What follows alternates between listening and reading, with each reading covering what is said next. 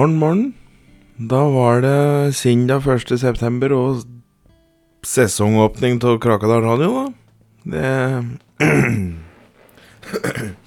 Det er jo ganske ålreit, eh, i grunn. Det er jeg ganske Ganske fornøyd med sjæl, om jeg kan si det slik.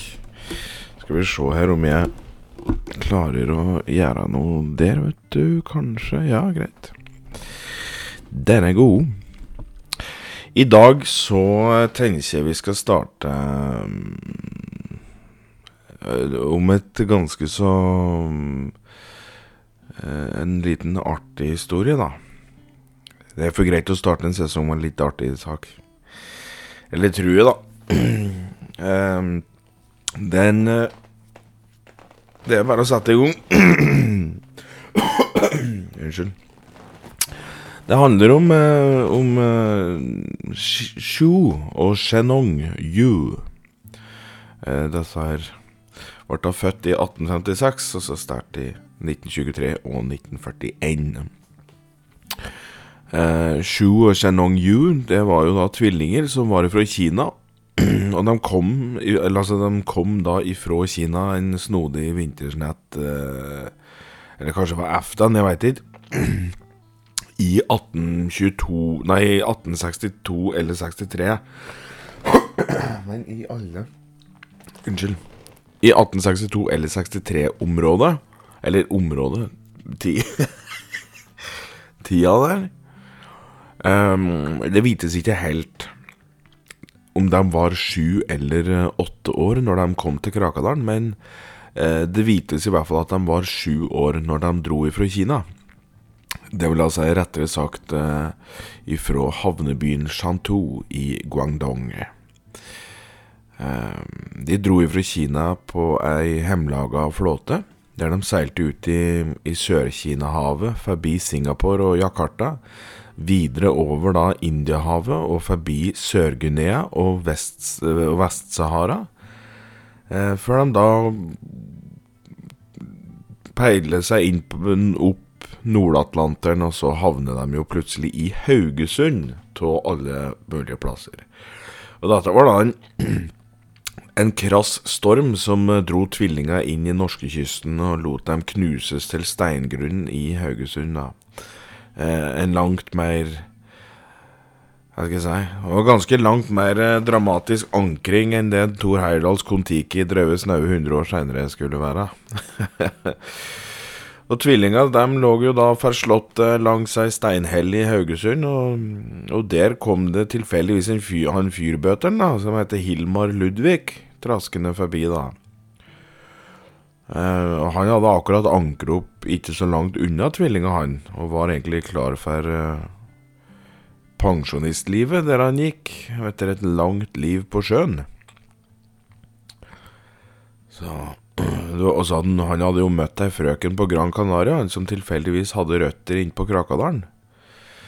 Og da, dem to hadde da under en fuktig kveld i sydenstrøk da lovt hverandre eh, at om dem noen gang da skulle råke på noe annet, så skulle de gifte seg. For han hadde vært enslig i mange, mange vår, han, og hun var enkefru, og like framt hadde hun mistet alle sine fire små unger òg, av ulykker, før de da rakk å bli døpt.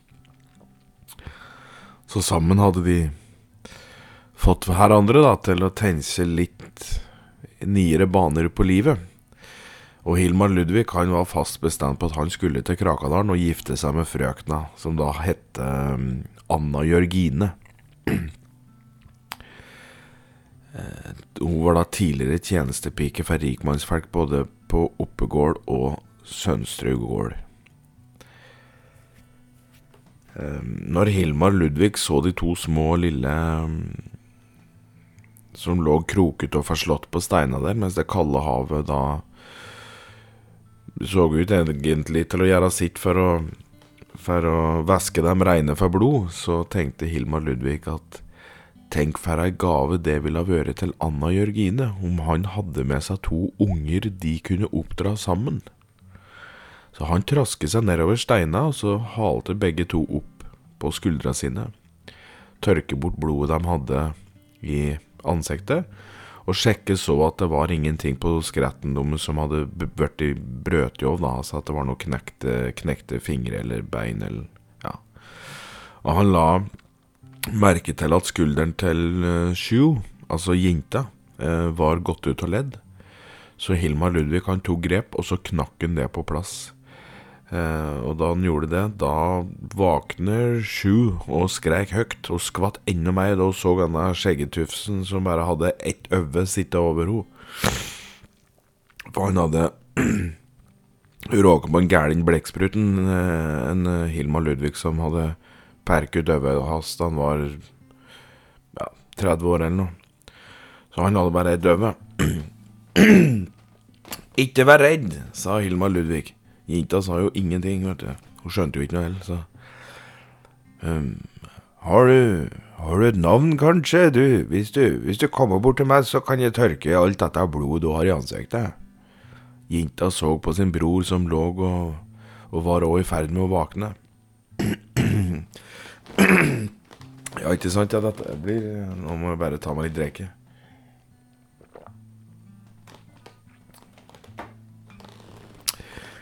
Ja, ikke sant. Bror var i ferd med å våkne, og så sa jenta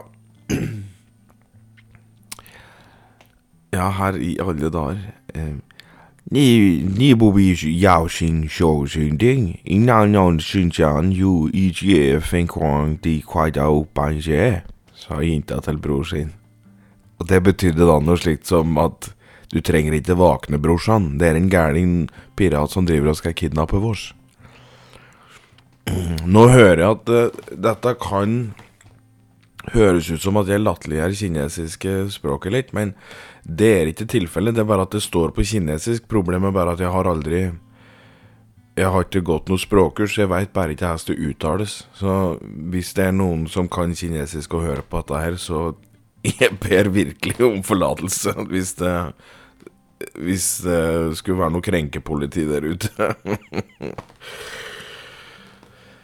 uh, og Hilmar Ludvig, da, hvert fall, han kvapp da til, da, for han hadde jo aldri hørt kinesisk, han. Så han hadde ikke vært så kritisk. Da. Men i alle dager, gapa Hilmar Ludvig. Er du fra Trondheim, du, Agett? Jenta stirrer opp på Hilmar som sto der med et øye så digert og blått. Men i sokkelhælet, der da det andre øyet skulle ha sittet, der var jenta sikker på at hun kunne se rett inn i hjernen på gubben.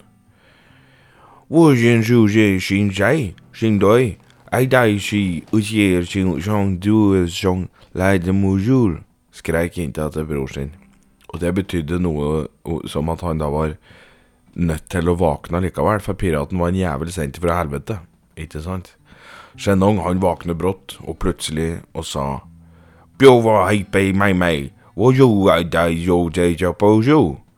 og med det så mente han at sisteras bare kunne ta det med ro, for han skulle bite gubbefanten i balla. Hilmar Ludvig han ble stående og se på at guttungen reiste seg opp, med tang og tare hengende nedover huget og skuldra på han. Og Hilmar Ludvig han kunne sverge på at dette var en demon ifra sjøen som stirret han i auget.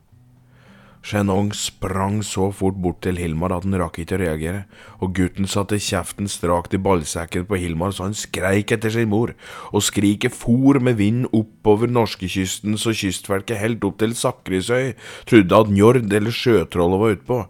I flere uker etterpå var det ingen som våget seg ut på sjøen før sola tok vekk tåka til havet.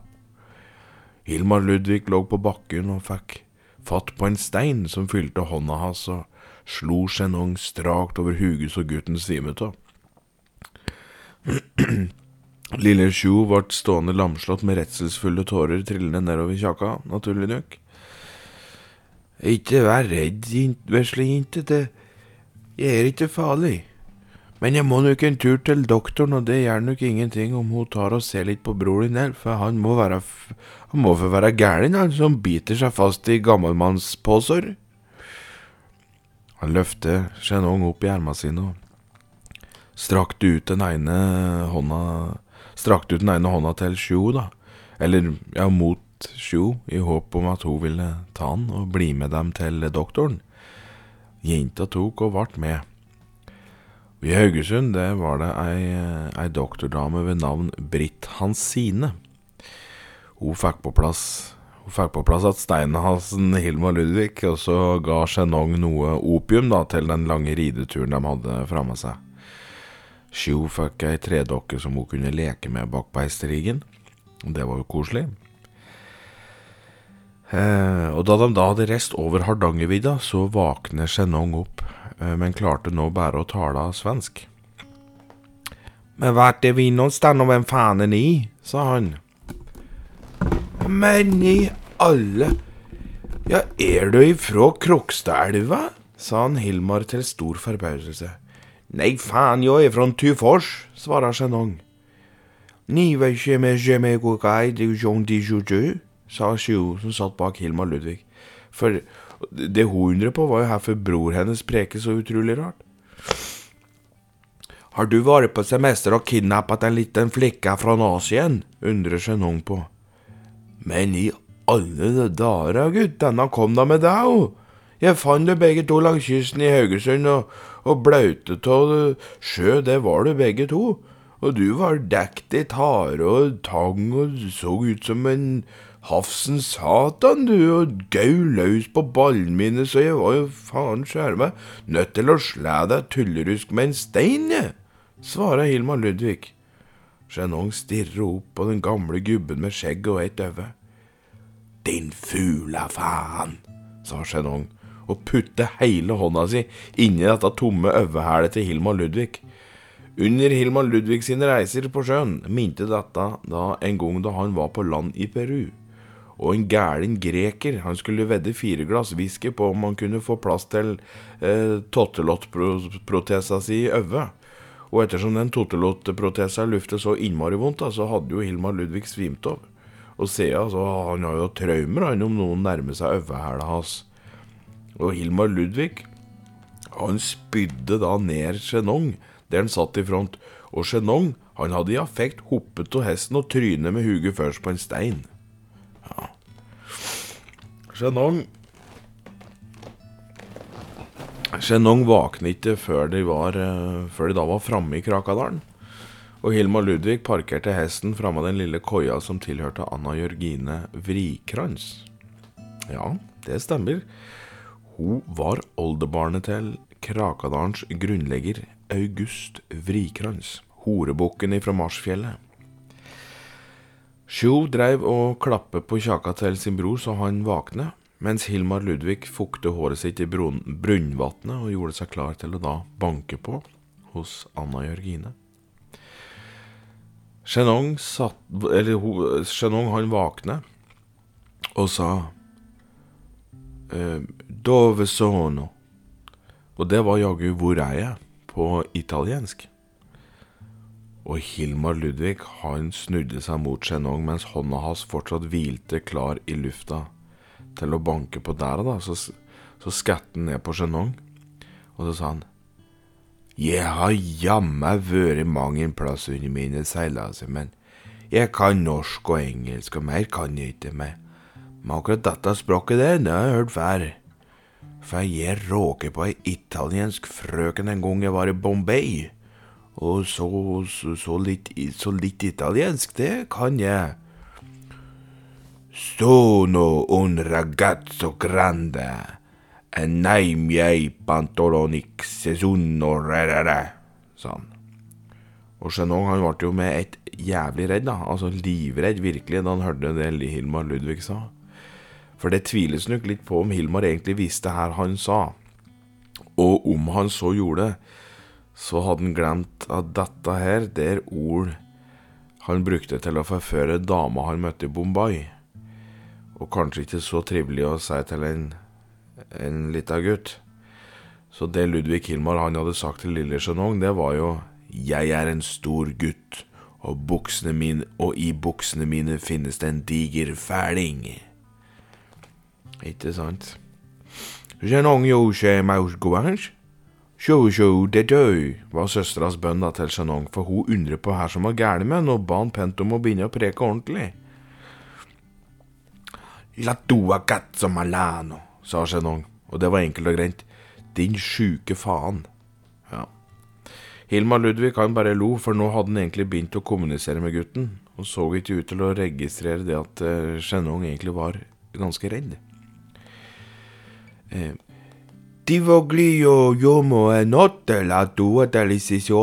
prostituta, svarte Hilma Ludvig med et smil, og Shenong han ble jo enda mer uh, forferdet, og hoppet av hesten og sprang bort og Hilmar Ludvig og Sjo de skvatt og ropte etter seg nå, mens han sprang jo så fort og brått og at før de hadde røkket og blunket, så var han borte. Sjo satt og grein mens Hilmar Ludvig skjønte jo ikke hvorfor gutten var så redd. Han hadde jo bare prøvd å kommunisere helt, dessverre, ukritisk til det han sjæl sa. Han, han visste jo ikke her han sa. Eh, og han visste nok ikke eh, at det heller var så drøyt, da. For det han sa, var 'Jeg vil ha deg i dag og i natt, din deilige skjøge'. Ikke sant? Det er jo generelt ikke en slik ting en sier til eh, folk i utgangspunktet. Det er sånn at du ikke har det er stemning for det. Men uh, i hvert fall, uh, Anna Jørgine åpna opp døra. Så Hilmar Ludvig fortvile satt og trøsta ei lita jente. Men Hilmar Ludvig, har du kommet helt ifra Granka og hjem til meg, du? sa hun. Ja visst har jeg det, og med meg har jeg med ei datter til også. Ja, jeg hadde en gutt om, og han forsvant nå akkurat. Han var fra, han var fra Tyfors i Italia, han. Ja. Og her er jeg litt usikker på, å få preker som hun skulle komme fra Trondheim, men jeg, jeg, det ser da ut som hun det, Jeg veit ikke, jeg. Han, det veit ikke han ser ut ifra, jeg. Må være fra skogen, eller Ja, kanskje hun er fra fjella, jeg veit ikke, jeg, jeg veit ikke. Quite I da, sa Shio, som da var en bønn, om at den søte dama eh, måtte hjelpe henne vekk fra den gamle, gærne sjørøveren. Anna Jørgine gikk ned trappa og bort til Shio og spurte om, om her hun hette. Da jenta ikke så ut til å, å skjønne noe, tok Anna Jørgine og pekte på seg sjøl og sa Anna Jørgine. Jeg heter Anna Jørgine. Her heter du. Jenta så på Anna Jørgine, og så sa hun til slutt Sju. Sju, svarer Anna Jørgine. Sju, svarer jenta. Jøsse navn, Ludvigsen. Hun heter Sju, sa Anna Jørgine og ble litt opprømt, da. ja, hør det, det er nesten som en sjur Benny, dette der. der. Så var han Hilmar Ludvig. Og Sjo hun så på begge to og skjønte jo ingenting. Det er klart, det skulle ta ganske mange år før eh, Sjo skulle lære seg solung. Eh, men hun var, når hun da var 14 år, da kunne hun det meste. Hun kunne både preke det, og hun kunne forstå det. Uh, hennes bror Shenong han hadde jo ingen hørt noe ifra siden dagen han forsvant. Uh, det gikk rykter om en gæren indianer som for rundt i skogen, men det skulle nok ta enda et år før Sjo og Hilma Ludvig skulle skjønne at denne gærne indianeren, det var Shenong. Hilma Ludvig og, og Anna Jørgine hadde, hadde jo da giftet seg. Jeg beklager denne skinnstolen skikkelig. Unnskyld. og um, og um, uh, Ashu, hun, var, hun hadde vært brudepike. Um, giftermålet det ble gjort oppe på uh, en kavringshaug like ved gravberget. Og det var seremonimester Halvorsen som hadde stått for det da offisielle. Mm. Uh, og da Sjo hadde vært i 14 år, nærmer det seg da eh, konfirmasjon. Men som sagt, det å være kristen inn på Krakadalen, eller religiøs i det hele tatt, det var egentlig sett litt ned på, eller ganske svart på. Det er ganske Folk har et ganske mært religionssyn eh, der. Men det var riktignok ei bitte lita kjerke som rommer ca. ti personer i Krakadalen. Eh, som en eh, tidligere bekjentskap av oss var med og bygde opp. Eh, og den var det jo Ja, det var jo han Peik Even. For han brant jo ned han den første kjerka på slutten av 1600-tallet. Men eh, noe menighet, det var det jo ikke inn på skogen. Men det var en liten familie som var kristne eh, i disse dager, og som da var de eneste som brukte kirka. Eh, det fantes ingen prest på tida, så messer og, og, den slags, det måtte de stå for sjæl. Og liksom eh, Liksom, hva for faen sier det? Eh, det er jo greit å si det at um, det religiøse det utvikla seg. Noen ganger var det populært å være kristen eller muslimsk eller buddhist eller hindu eller her det måtte være, inne på Krakadalen. Eh, mens av og til var det ikke det. Det var, det var, litt, det var litt, gikk i trender, egentlig. Eh, men folk Det ble for meg slik jo nærmere folk kom døden,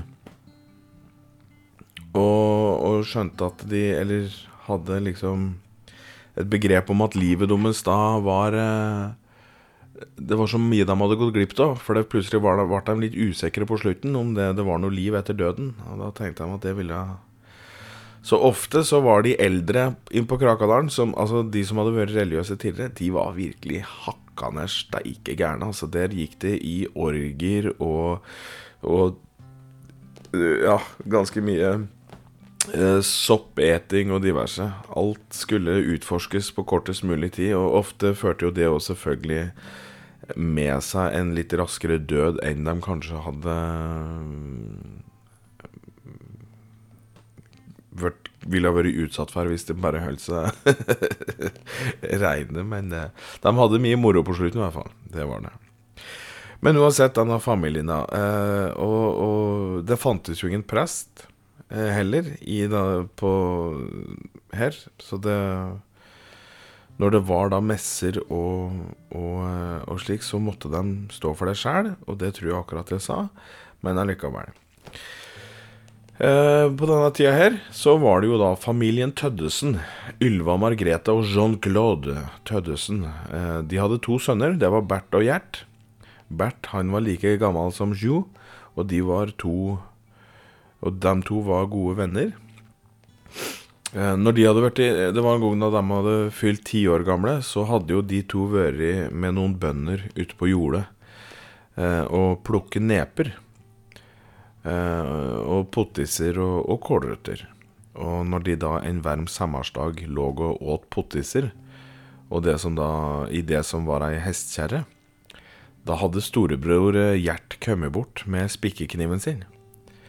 Og så drev han og så på Sjo og Bert, som lå og åt. Eh, mens han da tok opp en kålrot, og så spikket han fram en kålpekk. Altså, han Han uh, spikker kålrota så den så ut som en, uh, en penis. Uh, hvordan, hvordan, klarer du å lage så fine tissefanter, Gjert? Hadde Sjo undret på. Ja, øvd, svarer Gjert. Han var riktignok bare året eldre, så han var elleve år på den tida her. Dette får du Dette får ikke du lov å gjøre av mor, veit jeg, hoier Bert. Nei, og du skal faen ikke si noe, hvis ikke så spikker jeg pekkfanten din om til et eplefrø, glefser Gjert tilbake. Hvorfor du får ikke gjøre slikt til mor, undrer Sjo på. Nei, Du veit, Gud og Jesus, de sier at slike ting ikke er lev. Tissen er det helligste vi har, og du kan ikke bruke den til noe som helst annet enn å pisse med den. Og hvis du kopierer en piss i en potet, da kommer Satan og skjærer av tissen, svarer Bert. Og da rister Sjo seg for skrekket. Her er det Her er det for noe? undrer Gjert på.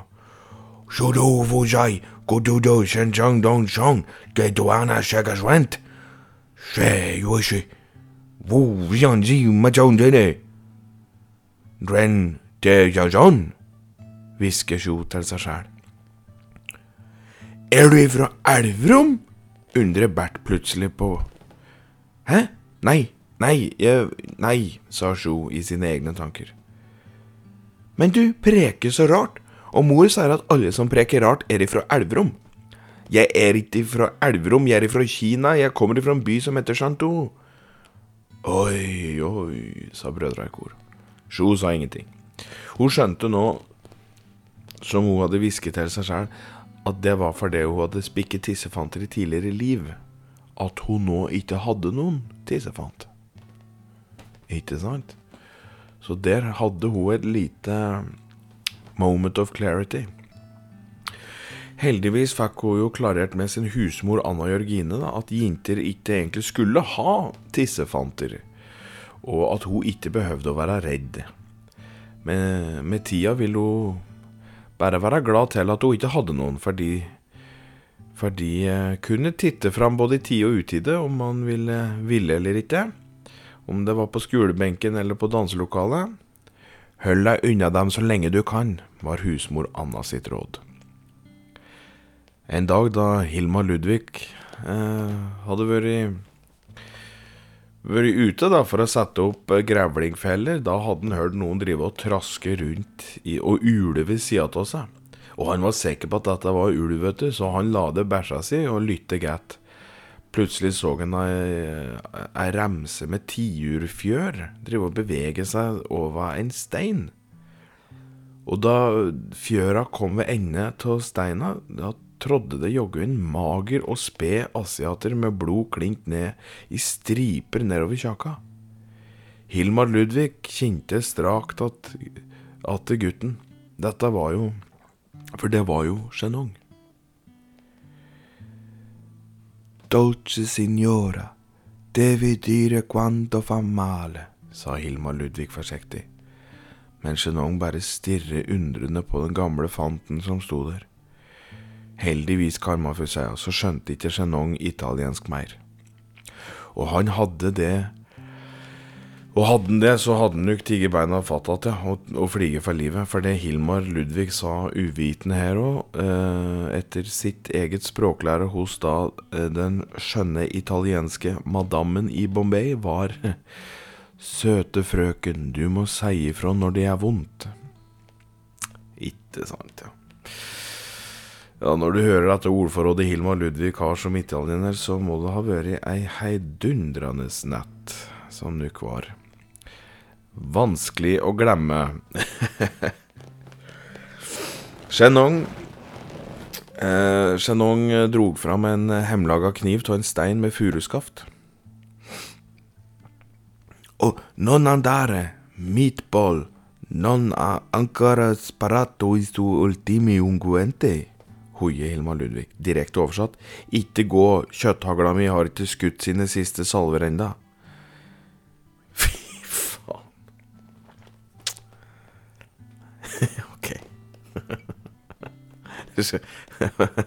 Fy faen. Ja. Shenong bevegde seg med små skritt nærmere Hilma Ludvig. Du tok min søster. Du stjal min søster, sa Genong. Hæ? Er, er du herifra? undrer Hilma Ludvig så spakt. Du må gi meg min søster tilbake, sa Genong mens han knyttet nevene hardere rundt knivskaftet. Men skjønner du ikke, du er min sønn. Her heter du. Jeg er din sønn, men du kan ikke navnet mitt. Jeg heter Hilmar Ludvig, her heter du, sa Hilmar og satte seg ned på et kne. Chenong stoppet og så inn i det trauste øyet som var så blått, så blått. Etter noen sekunder kunne kunne han skimte vann som flaut opp i øyekroken hans. Er du lei deg? undrer Shenong. Nei, gutten min. Nei, jeg er glad. Jeg har tenkt på deg hver dag siden du sprang inn i skogen, og din mor og din søster og jeg, vi har savnet deg og håpet at du skulle komme tilbake sa Hilmar Ludvig og tørke bort det som var i ferd med å bli ei tåre. Shenong ba Hilmar bli med bak steinen, for der hadde han bålplass. Og så firer han opp da bålet og la på noen ekornskrotter han hadde felt. Merket hadde lagt seg over skogen, og stjernene hadde begynt å juse over bålet uten at det hadde vært sagt noe som helst mellom Chenong og Hilmar Ludvig. Chenong, sa Chenong etter hvert, da, mens han pirket denne glødende veden. Altså, Sjelom? Sjelom? undrer Hilmar Ludvig på. Shenong. Mitt navn er Chenong. Skjemung? Simon? Sem... Simon? Semon? Shenong. Shalom, shalom, sa Hilmar Ludvig tilfreds. Da tok Chenong og kastet en stein i huget på Hilmar Ludvig og lurte på om han var tungert eller bare kav idiot. jeg gjør nok litt begge deler, jeg, svarer han Hilmar Ludvig da. Du veit at du ikke er min far, og min mor bor ikke med deg og søsteren mi, sa Shenong med alvor i ansiktet. Jo, jo, nå er jeg din far, og, og min fru er din mor, og sister di er sister di, det, det har hun sikkert vært i hele tiden. For du er jo kliss like, sa Hilmar Ludvig og dro på seg et lite smil som avslørte at han bare hadde seks tenner igjen. Min mor ble drept i Kina. Hun var gravid med min og Jus lillesøster, men så kom Mogwai med sine demonhærer. Mogwai stakk sverd i min mor, tok ut min lillesøster og kastet henne i havet, sa Chenong med gråten i strupen. Her dæven er det du sier, gutt? Du er tunghørt, din dumme fasan. Mogwai drepte mor med sverd, skar ut min lillesøster og kastet henne på sjøen, skrek Chenong mens tåren trillet. Hilmar, Hilmar Ludvig visste jo ikke hva han skulle si, men han reiste seg opp, satte seg ved sida av Shenong og la erma sine rundt den. Det er faen skjæra meg det fæleste jeg har hørt, sa han lavt mens han glana inn i bålet de hadde fyrt opp. Shenong hadde aldri siden hans mor levde, blitt gitt en klem, så han ble sittende og hulke inni erma til Hilmar Ludvig. Og så sa han. Jeg møtte en indianer som kommer fra Texas her i skogen. Sorte elg. Om jeg blir med deg og til søster og din mor, så kan jeg fortsatt være indianer og helse på sorte elg når jeg vil? undrer Shenong på.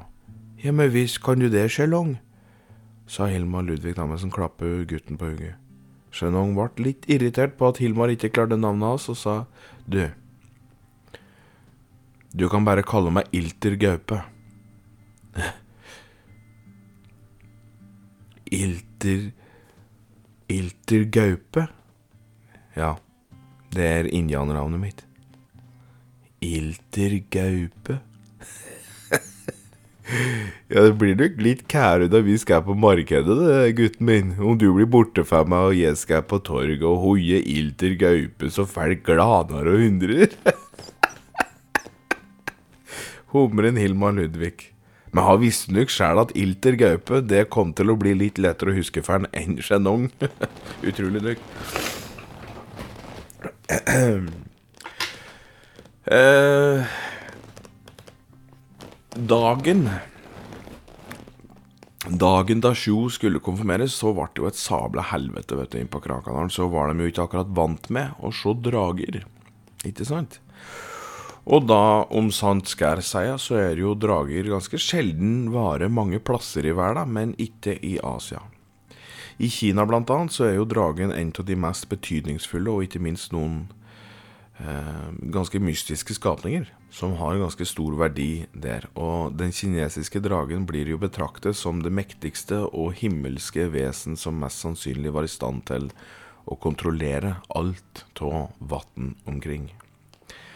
Med seg fra Kina hadde Shu med seg dragen Nova og Fushen. Fushen. Eh, snodige skapninger, veldig. Eh, de sto jo klare til å gå i kjerka, og Shu hadde med seg bare eh, mor si, Anna Jørgine, og heller ikke mor var klar over at her skulle det være drager til stede. Men idet de skulle gå inn i kjerka, sto Kristusfamilien da Tøddesen og skvatt til.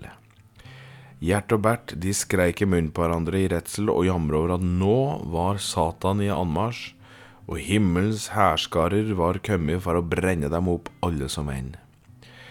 Jean-Claude Tønnesen, Tøddesen sto med digre øyne og så opp på himmelen mens han så disse to digre skikkelsene åle seg over himmelbildet. det Er slanger over himmelen, med løvehuke og horn.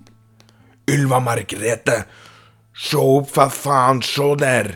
hoia han ut mens han pekte, pekte da febrilsk opp på dragen. I vinden som ble, så kunne du høre en hvesende stemme briste ord som gikk slik.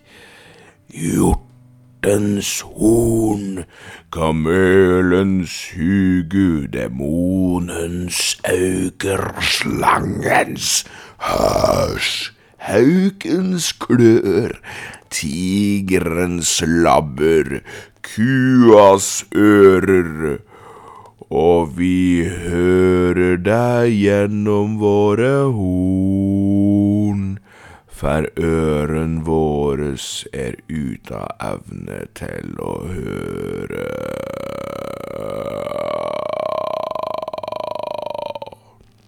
Og Sjo bare lo og sa nei. Nei, jeg syns det minner mer om, uh, om at du har harepusens øver og froskens mage.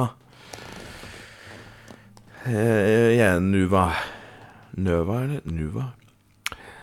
Jeg, og skjella deres, det minner meg litt om, eh, om Karpens. Klar, klarer du å preke at dem, sjå? Er du en satans vokter, du òg? Skal du drepe oss? undrer Ylva Margrethe Tøddesen på. Nei, nei, nei, det er mine gudeskjold begge to. Nova er gudinne, og Fusjen er min lykke og mitt mot, svarer Sjo. Jean-Claude dro med seg Ylva Margrethe inn i kjerka og ba både Sjo og Anna Jørgine om å reise til helvete der de kom ifra, for nå konfirmasjon i Kristi navn, det skulle ikke skje på denne dag, og i hvert fall ikke ledsaget av demoner ifra Ares sida av verda. Og da ble både Nova og Fougène så rasende at alle dummes negative yin-essenser fyrte opp et jordskjelv akkurat der kjerka sto og kjerka brast til pinneved og sank i jorda, og man kunne høre familien Tøddesen sine rop om hjelp. Da hælet var om lag tre meter nede i bakken, stoppet Fugen og Nøva jordskjelvet og sa Blant røtter og larver skal du tenke i fred på fordom og medmenneskelighet, dumhet og inkludering. Dagen deres tanker hviler uten fordom, da skal jorda atter stige, og dø vil sjå på livet på nytt, sa Fouchen. Nå sitter mange og lurer på, kanskje, her i alle dager yin-essens er for noe. Men det kan jeg si det slik at i enhver kinesisk drage så finnes det totalt 117 skjell. Der er da 81 skjell består da av yang-essenser, og yang er positiv, mens de har så 36 skjell som er yin, altså negativ.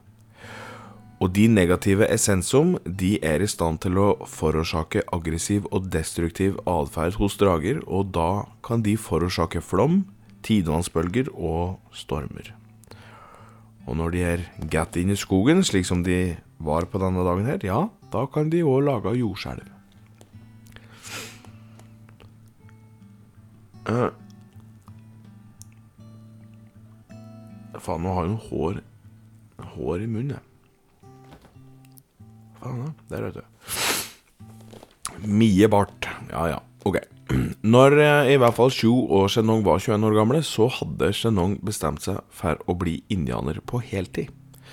Han hadde nemlig møtt en indianer eh, som hadde flyktet ifra slaveri i Vest-India, etter at han da hadde blitt solgt av en hvit president i Amerika, eh, som indianere bare kalte hadde, De hadde bare kalt den skarpe kniv. Eh, og navnet hadde han fått fordi han hele tida brøt løfter overfor indianere.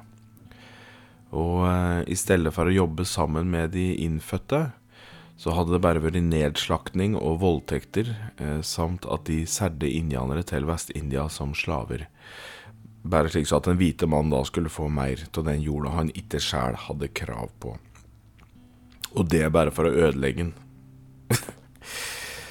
Indianeren han heter Blodørn, sa han, og han kunne fortelle Chenong at når de hvite kom for å ta jorda, så var det Eh, meget til krig, sjøl om indianere ikke sjøl var fiendtlig innstilt når de kom. Men de eh, kom og slakte ned den ene stammen etter den andre når de ikke fikk vilja si. Når indianere tok hevn, ja, da satte den unge hvite mannen i gang Eller ikke den unge, da satte den hvite mann i gang noe de kalte straffeekspedisjon, der han da slakta alt som var av kær, kvinnfolk og unger. De brant ned telt, de rivde opp grava til alle dummes kjære, og, eh, og sjæl hadde blodørn blitt lovt fritt leide på et slags reservat, men endte i stedet opp i et fengsel like ved Mississippi. Og så ble han sendt med båt til Vest-India og solgt til en gæren slavehandler som heter Robert. Robert var kjent for å dra kona si rundt i gaten etter håret, samt rundhjule tenåringer, enda gubben sjøl var vel i midten av 30-åra, tenker jeg. Blodørn eh, rømte etter at han klarte å forgifte Robert med noe bedre han hadde stjålet, med seg på båten sin, og og da tok han med en hest, og så kom han da til Krakadalen etter to år på flukt. Krakadalen eh, Krakadalen eh, Det, ja. Han fant jo fram her, og slo seg ned. For det her var han med folk som elsker naturen, som jorda da har gitt mennesket. Du må vite det, Ilter Gaupe, i mitt hjemland kom den hvite mann og krevde jord som ikke tilhører noen, og når han tok den, så høgg han ned og eliminerte alt liv som var. Den hvite mann hater naturen. Jeg skjønner ikke hvorfor, men han hater naturen. Den store hånd ga oss natur. Den ga oss alt vi trenger. Vi er her på lånt tid. Og du må vite, Iltergaupe, vi kan jo ikke bo på jorda for alltid uansett. Så vi trenger bare å ta det vi trenger. Vi trenger ikke mer. Min stamme, Jayen, vi ble angrepet en så dyster dag. Vår høvding Svartekjele var en kar som hadde gjort avtaler med den hvite mann og lovt fred. Det var det vi ville ha, fred. Men den dag kom da de kom ridende inn i leiren vår og Svarte Kjele sa det var ingen fare, men så åpnet den hvite mannen ild. Vi hadde det amerikanske flagget som vaie som bevis for at vi var fredfulle, samt et hvitt flagg vaie så fort at de, så stort at de blåkledde soldater må ha vært nødt til å se det. Obersten de kalte Shivington, lot sine menn drepe unger og kvinner og de gamle. Vi hadde krigere som var ute på jakt den morgenen, så det var intet å gjøre. Noen kvinner hadde gjemt seg med sine barn i en grotte, og de sendte ut ei seks år gammel jente, Gode Sol, ut med et hvitt flagg. Men den hvite mannen skjøt jentungen og slakta alle som var i grotta, og de skalperte hver eneste en, i liten som stor. Og de lemleste alle de døde og putte kroppsdeler og kjønnsdeler på hatter og saler. 105 kvinner og barn, og 38 menn døde den dagen sa bloderen. En gang, Det hadde bloderen sagt. En gang når de hadde drevet og røkt fredspipe rundt et bål en vakker kveld i skogen. Med ild og sjø i blikket, og sola var ildrød, og sendte da sine stråler ned mot bekken som rant like ved. Anna Jørgine og Hilmar Ludvig hadde òg blitt med for å helse på Blodørn, men de tålte ikke den pipa, så de slekk ned etter åtte drag. Du veit det, Blodørn, sa Ilter Gaupe der de satt. Jeg forstår ikke mennesket. Vi ønsker full alle det samme. Et sted vi kan bo på med folk vi liker og trives med, med mennesket, Blodørn. Men mennesket, det skal diskuteres så mangt, og bli uvenner. De skal sette opp landegrenser og lage skille på det som er mitt og det som er ditt, og mangt en menneske blir aldri fornøyd heller, samme hvor mye rikdom det innehaver. Fokuset hos mennesket ligger ikke på det sjæl, det ligger på alle andre, som er rundt deg, og det syns jeg er en tragedie, Blodørn, for vi vil jo alle ha fred, men de produserer fortsatt våpen og skjold så de kan krige og slakte. Men her i skogen er det fint. For her kan vi bo om vi finner en plass vi liker. Og besøket man får om Det er dyr eller mennesker ofte her i skogen fylt med innhold, ofte positivt, sa Shenong. Bloderen la en hånd på skulderen til Shenong og sa, Jeg vil gifte meg med søstera di. Da skvatt Shenong litt, for det Altså, de hadde jo aldri preket om Sjo, og han var usikker på om de i det hele tatt hadde sett han. Men da raslet det jaggu i busken bak de, og da ut der kom jo Sjovert med sommerkjole og gliste breiere enn breiest. Jeg vil gifte meg med deg òg, blodørn. Jeg har tenkt på håret ditt siden første gang jeg så deg, sa hun. Chenon kvapp til og så på begge to og undret. Men her til faen i helvete tok du og helste på, Nanna? I går, min venn. I går gikk jeg og strøk tottelotta mine over måsån over skogshauga, og Shenong sto der og, og koste med drager. Mektige drager. Vi så på hverandre med to kjappe blikk, og så gikk jeg bort. To kjappe blikk, og så blir du kåt på håret hans, hoier Shenong ut til siste si. Tistil, du. Da, du har da vært kåt på håret hans, du òg, har du sagt, sa Sjo.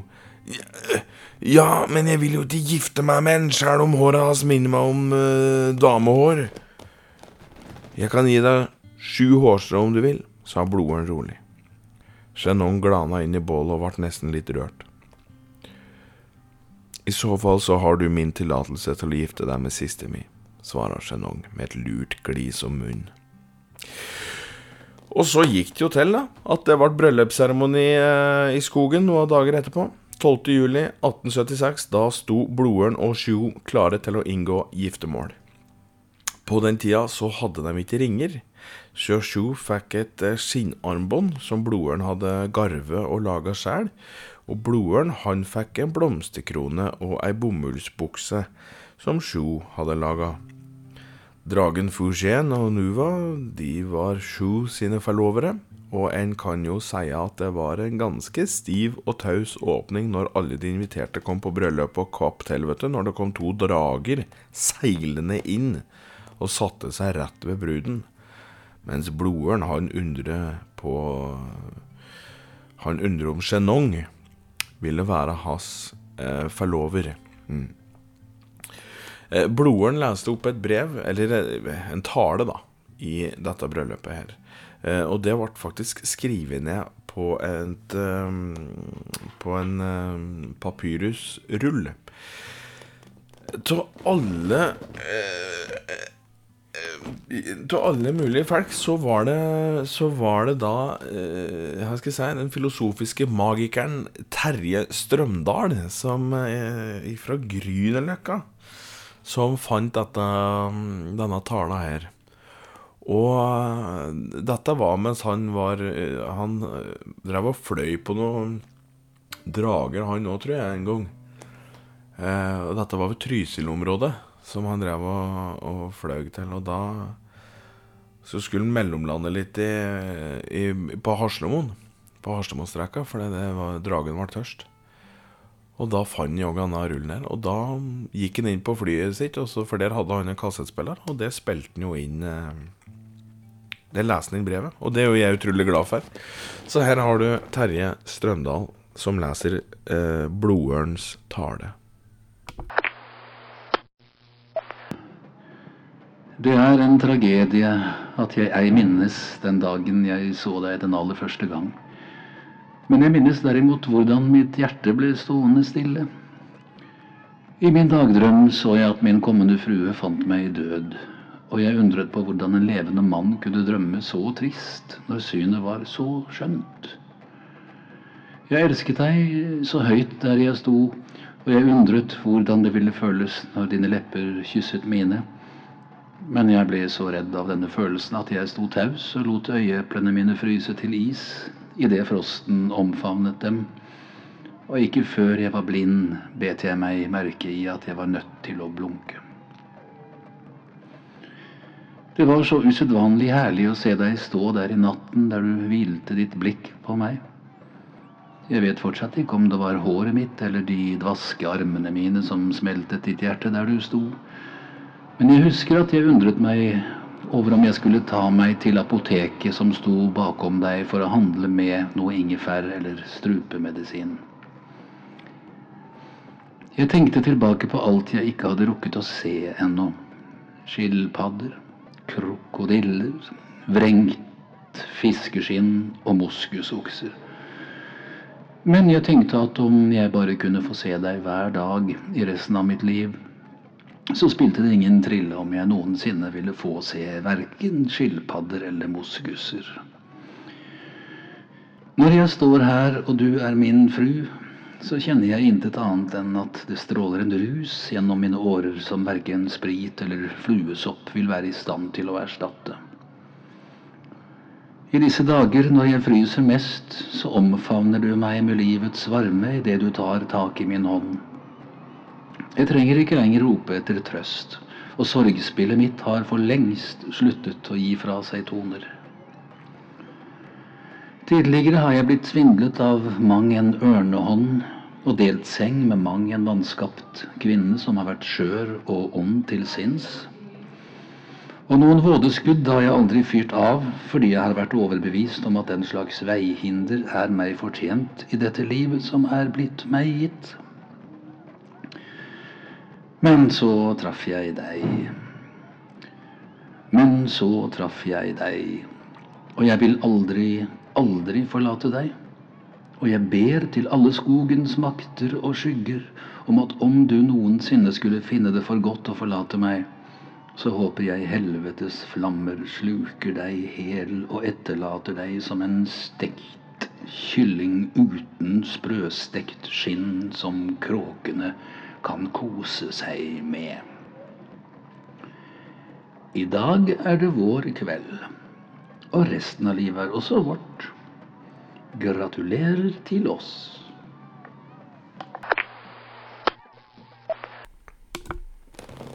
Det var ei koselig bryllupstale.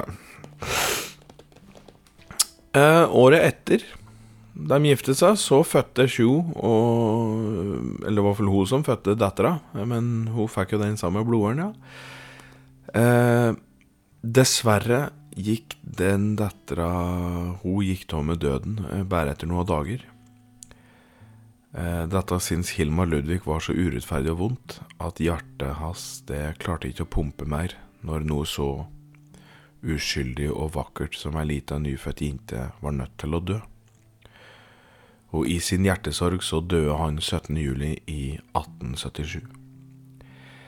Tre år etter fikk de derimot ei ny jente som klarte seg bra, og de hadde navneseremoni for vesle Gerd. Hun fikk òg indianernavnet Sjøhest. Året etter der, 24. oktober i 1881, så kom vesle Hilmar med sin tvilling Ludvig til verden. Og De ble da kalt Lille Veps og Store Humle. Noen dager etter deres fødsel så ble dessverre blodørn så sjuk at um, han nå da strøyk med 29. oktober samme året. Og det endte med at Sju, som ikke hadde stort av penger, var nødt til å gi fra seg den ene ungen, for hun hadde ikke råd til alle tre. Men heldigvis, kan man få si, så var det en annen som bodde i nabotipien, nemlig Ilter Gaupe, altså hennes bror Sjenong, som tok på seg ansvaret for å oppdra vesle Hilmar, sammen med sin utkårede Lilly. Sjo klarte seg bra videre, fant kjærligheten med en myntfalskner som heter Severin. Og for det var liksom litt ettersom at hun sleit med å bli tatt alvorlig ettersom det sto at hun hadde måttet gi bort et barn pga. fattigdom, så ble man litt utstøtt. Man trodde på en måte at det var felkets Eller at da var det noe galt med det, da. Så og så var det jo litt slik at Severin han var jo tidligere straffedømt eh, med 28 dager på vann og brød i Akershus fengsel. Og var da sett på som kriminell, så han òg sleit litt. Eh, men de fant jo da hverandre. Eh, og det gikk bra med dem alle sammen, helt til 29. oktober i 1923. Da var Sjo 67 år gammel. Da kom blodørn blant høstfrosten og dis og krevde sin fru tilbake. Og sørgesanger gikk det i mange, mange år etterpå. Og den ene av sørgesanga, den skal du få høre her, da.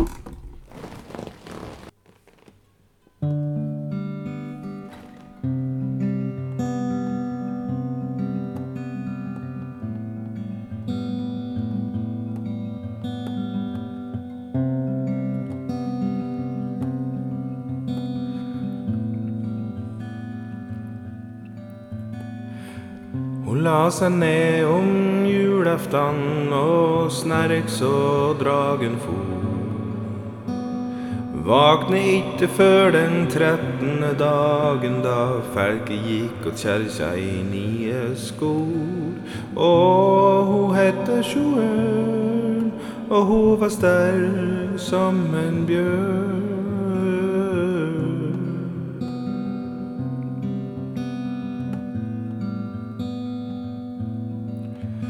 Hun vakne ikke før den trettende dagen da sola rant ned i lia. Hun sale på en drage så diger, hun skulle ut til å redde folk med svier. Hun for over vatn, det vide og det land, med kaffe i lomma og hugu i hatt. Bjude på den ene og så den andre, for hva folk, menneske, det er livets havre.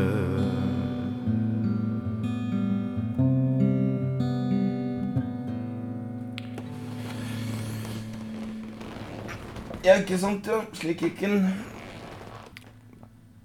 Etter hennes død så la òg hennes drager seg ned og savne forsiktig inn over hennes grav.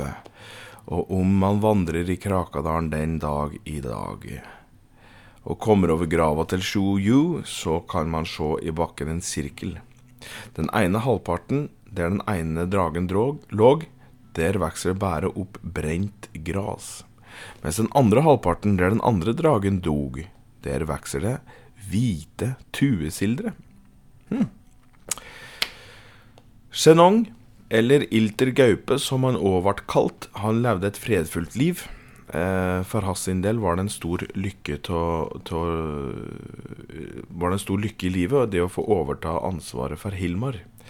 For sjæl var ikke han eller kjæresten hans Lilly i stand til å få noen unger.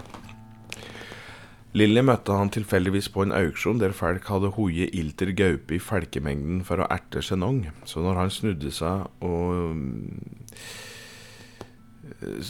Så når han snudde seg, så gjorde de da noen kattebevegelser og mjauåt for å spotte Chenong litt. Men Chenong var dritlei den lokale mentaliteten der alle skulle se ut som han, og at alle skulle preke likt og ha de samme meningene, og i tillegg til at de da hadde høgd ned skog og fiske Fiske unødvendig mye fisk bare for å se fisken retne på bakken. Så Genong han hadde en auksjonsdag i, i 1879 gått løs på den ene og den andre, som ymte på så mye som en kattelyd. Han eh, slo rundt den ene og den andre, og, og, og sammen ble de liggende i en haug med blåveiser og sprekte lepper. Dette hadde Lilly ifra Lauta fått med seg, og syntes det var så godt å se noen bevege seg som ei gaupe, så smidig og så sprekt at hun falt pladask. Chenong hadde vært litt vanskelig i starten, men så fikk han en kattunge av Lilly i bursdagsgave det året, og da smelte Chenong òg. Så de ble et par. Eh, sammen med Blodørn og Sju så bodde de i hver sitt tipitelt ved Krakasjøen. Og bare så det er sagt, da de bodde der, så er det den eneste gangen i skogens historie at fisker så store som grevlinger lå til syne i sjøen. For så lenge de bodde der, så hadde sjøen vært glassklar. De, de levde for det de trengte, og han avskydde kuler og krutt, så Chenong lærte jaktmetoder til blodørn, selv om de brukte, de brukte snarefeller og, og, og diverse dem òg, men han brukte òg ofte pil og bue. og vandre skog og mark både vinter og sommer. De levde både fredelig og i harmoni. I feng shui, som en sa. Med vind og vann. Han eh, Han bygde ei kinesisk seilskute som han seilte rundt i Krakasjøen med. Eh, han i seilskute og bloderen ved sida av i kano. Sorgen var stor. Da det, Altså, den var tung å bære. Da bloderen gikk bort, men han ønsket ikke at sorgen hans skulle ta for stor plass ettersom hans sister tok det så tungt, og samtidig var nødt til å gi bort den ene tvillingen hun hadde fått. Chenong så det som sin plikt, som forlover og bestevenn og bror, ikke minst, at han skulle da ta seg til Eller ta og ta imot Hilmar. Eh, men hver onsdagskveld i alle år som han levde etter blodørns død, så dro han ut i kanoen etter blodørn. Altså kanoen som blodørn hadde laga, da. Eh, og så rodde han da ut til midten av sjøen, og så reika han en fredspipe. Og så grein han sine sørgetårer og preke ut til vind i håp om at den skulle bære med seg Ola til Chenong videre til dødsriket. Da Sistras Sju døde i 1923, samme dato som blodørn, men på en annen dag, eh, en Sinda, så etter det da dro Chenong ut både onsdag og Sinda med kanoen. Men på sindager da hadde han ikke med seg noen fredspipe. Da hadde han bare sorgen med seg ut, og lille Hilmar, der han nå preker med vind i håp om at den brakte Ola videre til Sjo. Og han sa til Hilmar at hvis han hadde noe han ville si til sin opprinnelige mor eller tante, det veit jeg ikke hvordan han løste, men så kunne Hilmar få gjøre det. Og Hilmar ble med hver søndag ut på sjøen, han òg, i alle år. Um, det skal da sies at Chenong hadde også sine egne private timer på dødsdatoen til både Hilmar, og Lud nei, til både Hilmar Ludvig og Anna Jørgine der han òg gjorde det samme. Men da delte han minner og takknemlighet mer enn han delte sorgen. Eh, for han var jo så glad i Han var jo så glad for alt de hadde gjort for han, og sisters. Så i 1941, når verdenskrigen for alvor begynte å ta form, da gjorde Det var jo da en tid når ondskapen mot menneskeheten ble så synlig, og det gjorde rett og slett så stort inntrykk på Chenong at han prøvde å bære alle menneskers urettferdighet og sørgeligheter på egen kappe, da. Men eh, hjertet hans, det hadde ikke plass til alle menneskers lidelser. Så han sank ned i myra inn på Krakadalen med all verdens sorg på ryggen, og daua der, 85 år gammel. Han fikk òg en sang som ble funnet etter krigen, og den begynte, den begynte de å synge rundt i Krakadalen i, i ja, 8. mai, tenker jeg.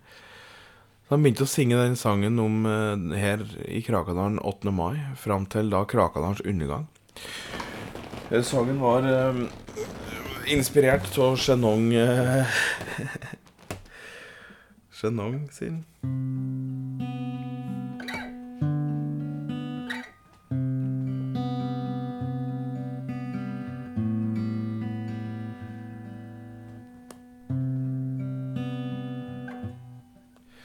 Eller var han det?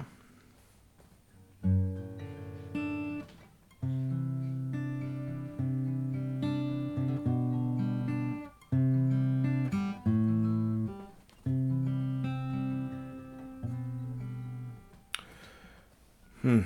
Jeg må lære meg mer gitargrep, jeg tror.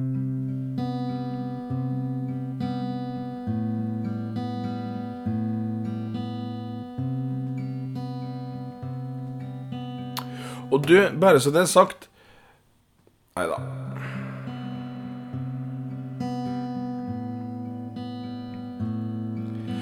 Hans hjerte vart begravet ved gaupas rot. En kar med en sorg, ilter og stort. Han tok et barn med vedens hånd. Rømte, førte videre kjærlighetens bånd.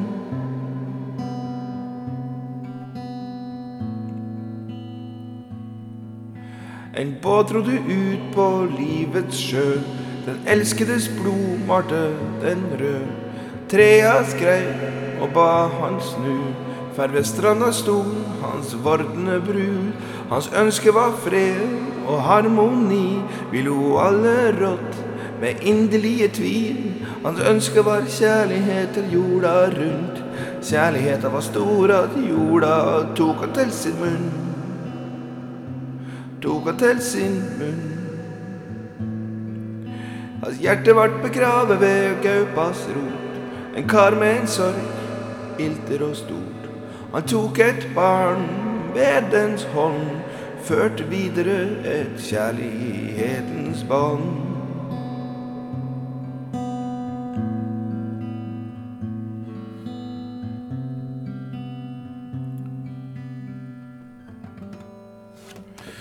Ja, ikke sant?